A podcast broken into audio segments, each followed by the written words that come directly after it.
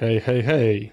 Witajcie na naszym kminisku, ognisku. Dzisiaj porozmawiam troszeczkę o, o, o prawdzie i kłamstwie i walce między nimi dwoma.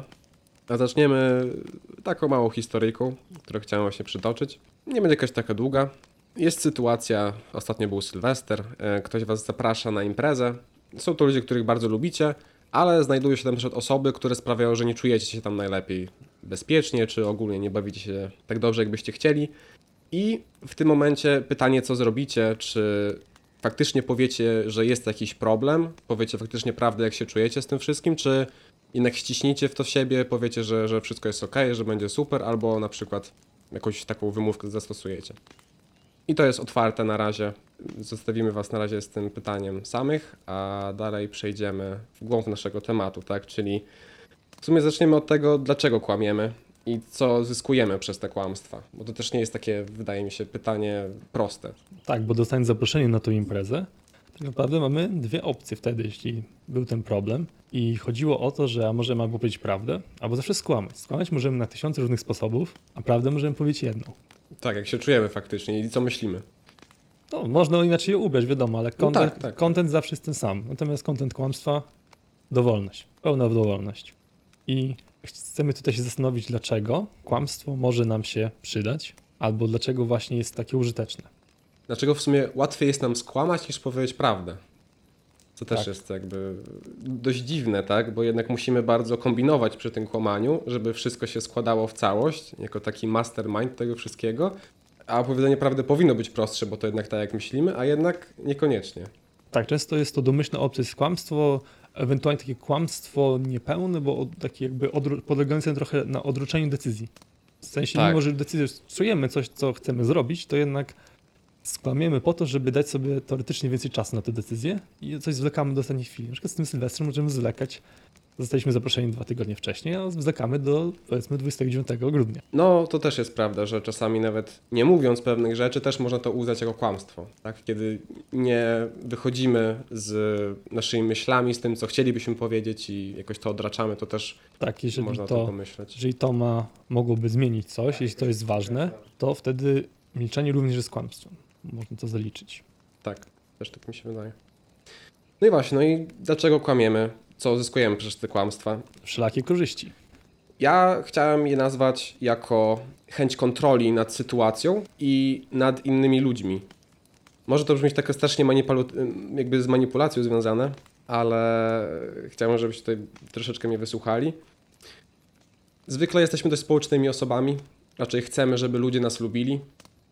Nie chcemy, żeby, żebyśmy byli jakąś osobą, która jest, nie wiem, burowata, nielubiana przez innych ludzi. Chcemy, żeby wszyscy nas lubili, co oczywiście no, jest nie do wykonania. I bardzo często troszeczkę będziemy naginać prawdę, często po to, żebyśmy wyszli na takich, na jakich chcielibyśmy wyjść.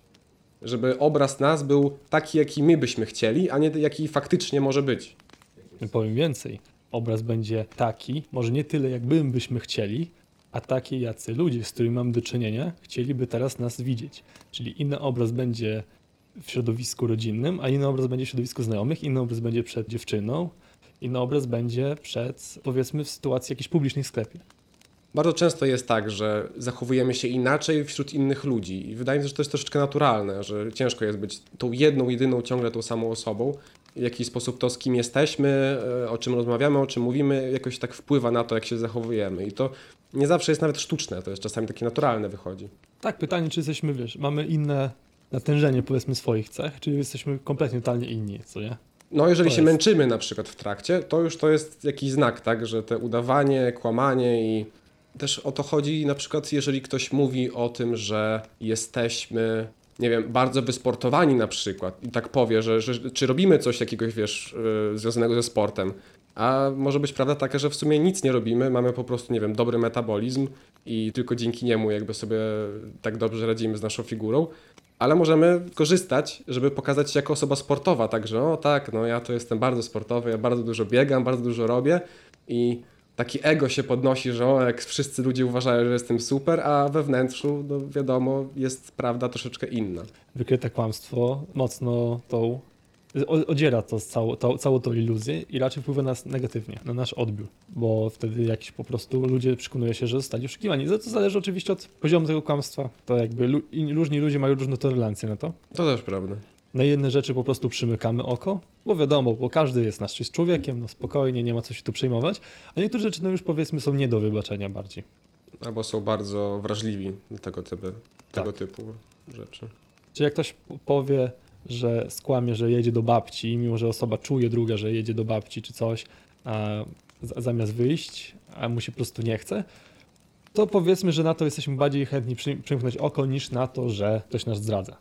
Mhm. Jasne.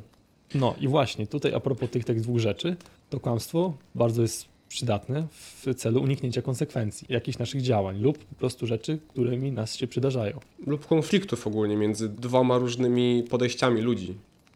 Nie przyznajemy się do winy, mimo, bo nie musimy, więc e, nam się nie obrywa. No i to jest jakby taka naturalna reakcja obronna, moim zdaniem. Tak, że często mówienie prawdy w takich momentach jest przyznaniem się do jakiegoś problemu, który istnieje na przykład między dwoma obojga ludźmi, albo właśnie jakieś rozbudzenie konfliktu, tak, które się dzieje, które może się wydarzyć.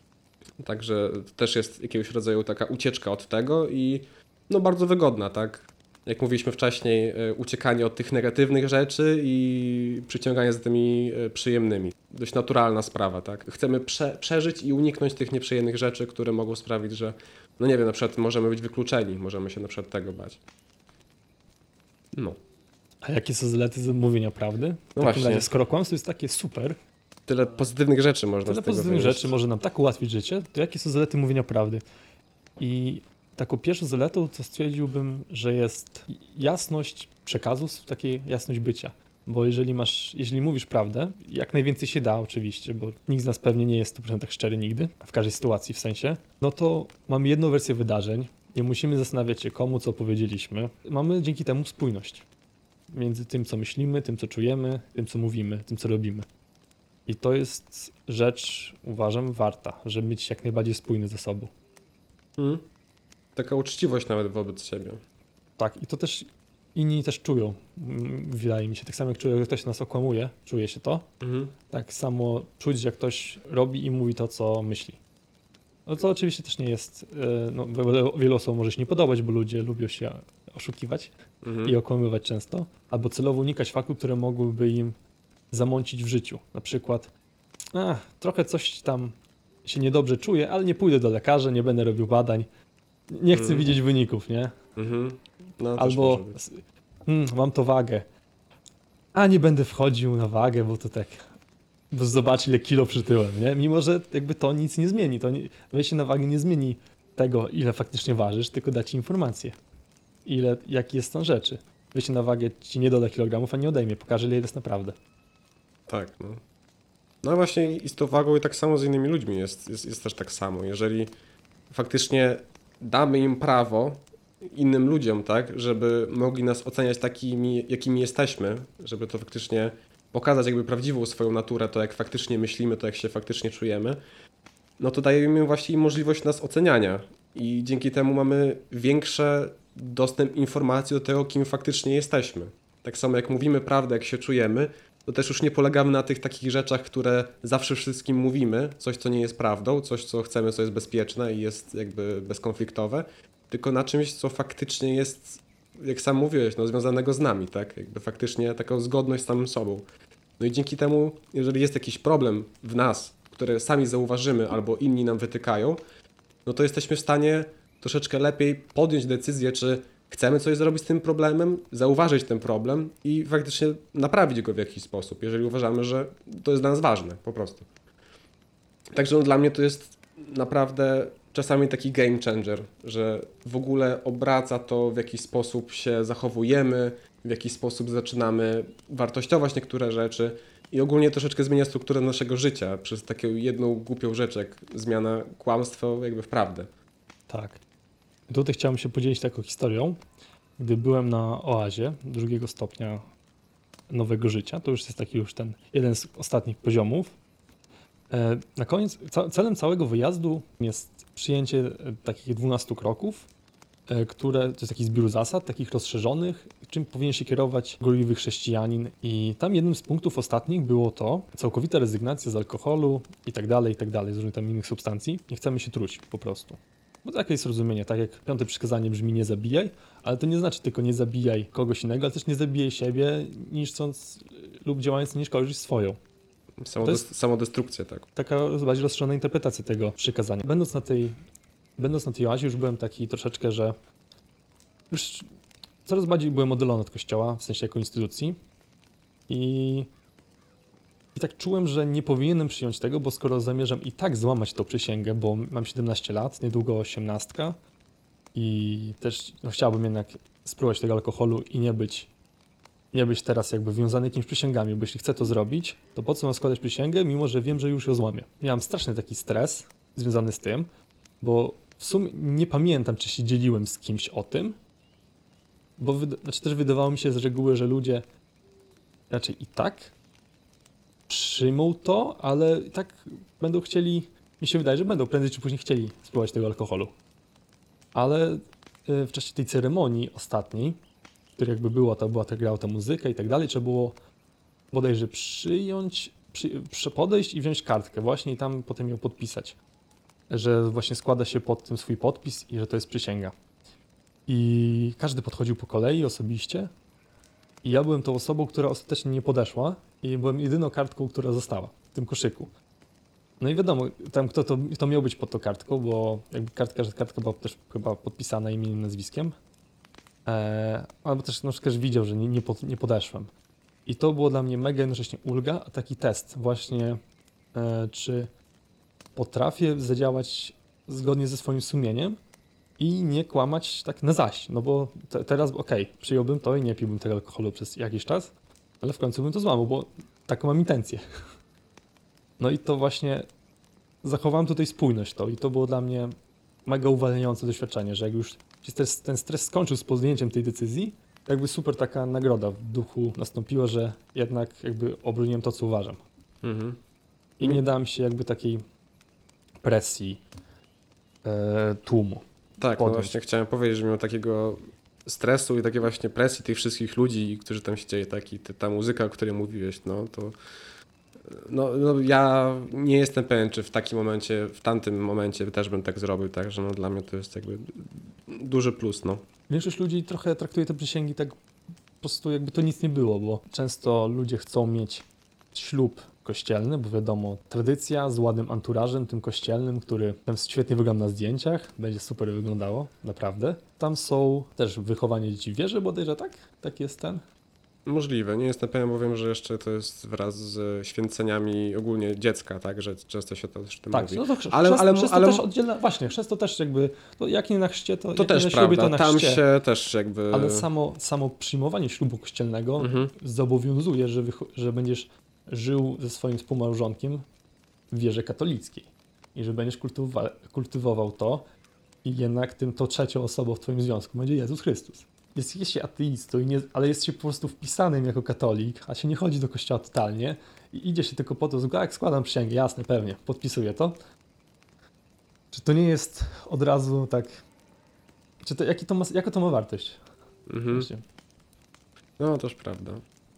Tylko... Bo czemu zaczynać jakby nowy rozdział życia swojego, który będzie po prostu ślub pewne rzeczy zamyka, pewne rzeczy otwiera, wiadomo, e, od kłamstwa. Po prostu no, budujesz na, budujesz na czymś, co nie będzie prawdą, no więc ja tego nie czaję. Totalnie. No. To tak, te tradycje tak naprawdę bardzo często są. Wydaje mi się, że te tradycje mają bardzo dużo wartości, które są wprowadzane do tego wszystkiego i faktycznie mogą niektórym ludzi pomóc, którzy też podejmują takie decyzje niekoniecznie świadomie. Super, co jak sam powiedziałeś o tym, że nie wszyscy się zastanawiają nad powagą tych wszystkich, wiesz, rzeczy, takich jak właśnie obietnice, e, umowy, też Mhm. jakieś takie śluby. Są też po prostu takie bardzo przyziemne powody, dlaczego ludzie tak robią. Jak wspomnieliśmy wcześniej, kłamstwo ułatwia nam przetrwanie. Mhm. ułatwia nam różne rzeczy, zyskujemy korzyść. I jeżeli totalna, totalny taki bardzo przyziemny powód, dlaczego wziąć ten ślub kościelny.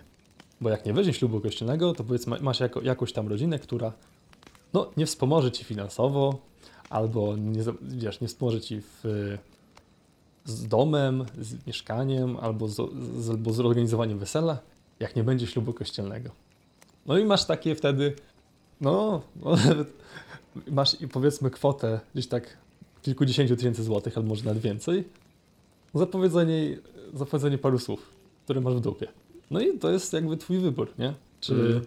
czy będziesz zgodnie ze sobą, powiesz nie, nie mam zamiaru brać, jeśli chcecie mi dać ten prezent, to spoko, jasne, ale ja nie mam zamiaru, stawisz twardo na swoim, albo się sprzedasz za to, po prostu.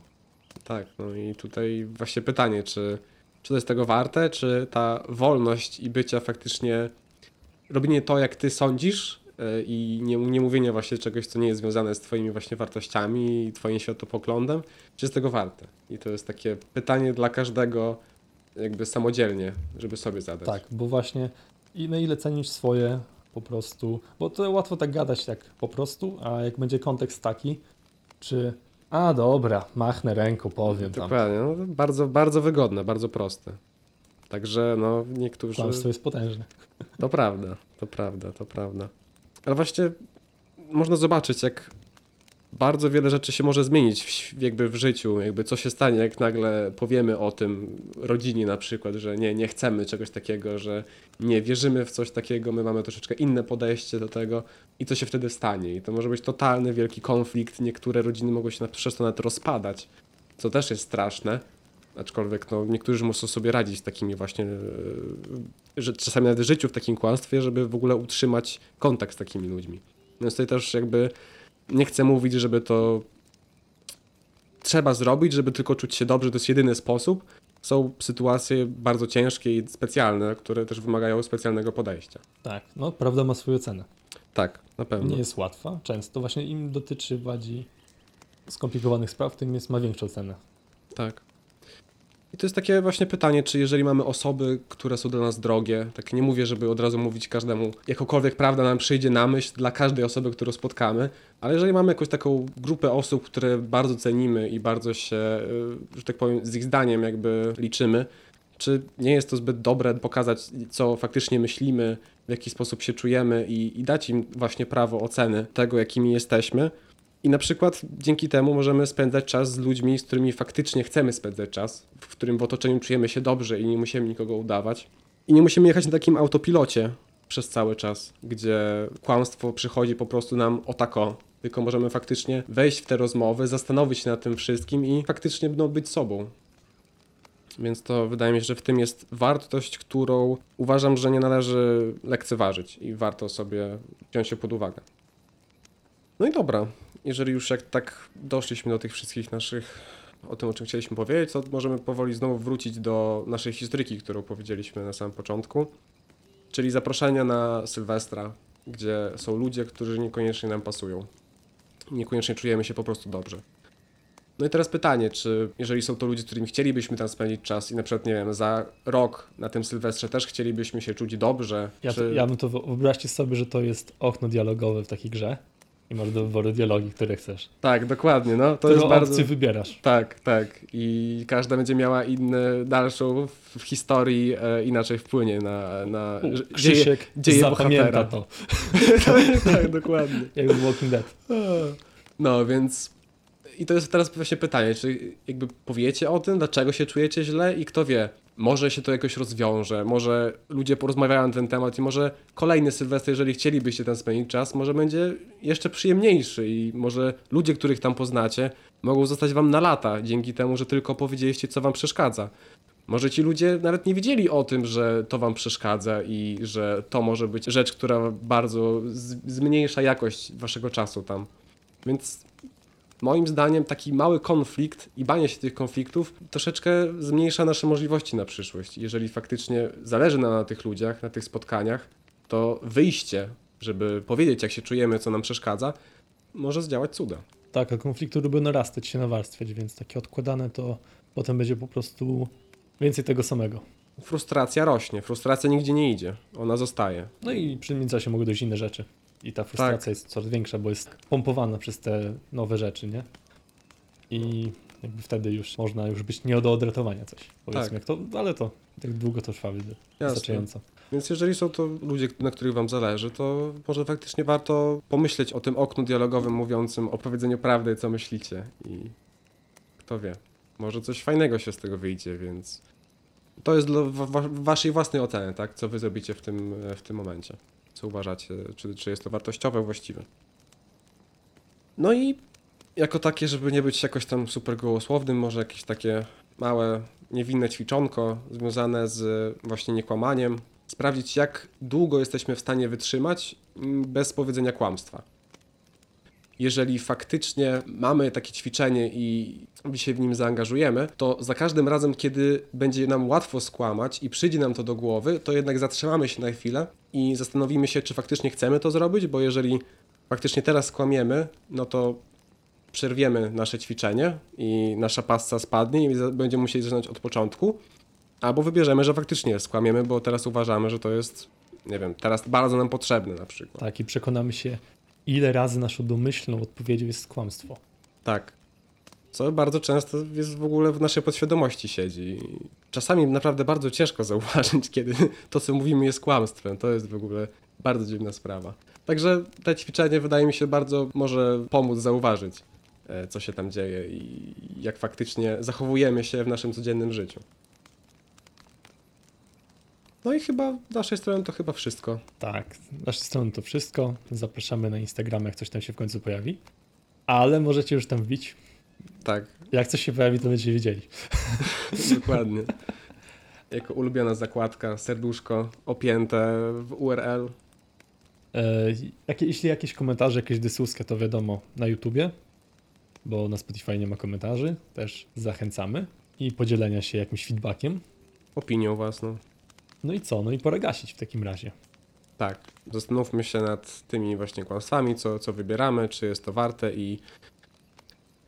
i być w tym świecie. No. I No. być w tym świecie. Sadhguru. I być w tym świecie. I, Tak, i na skuterek. no, trzymajcie się. No, Hej. hej, trzymajcie się.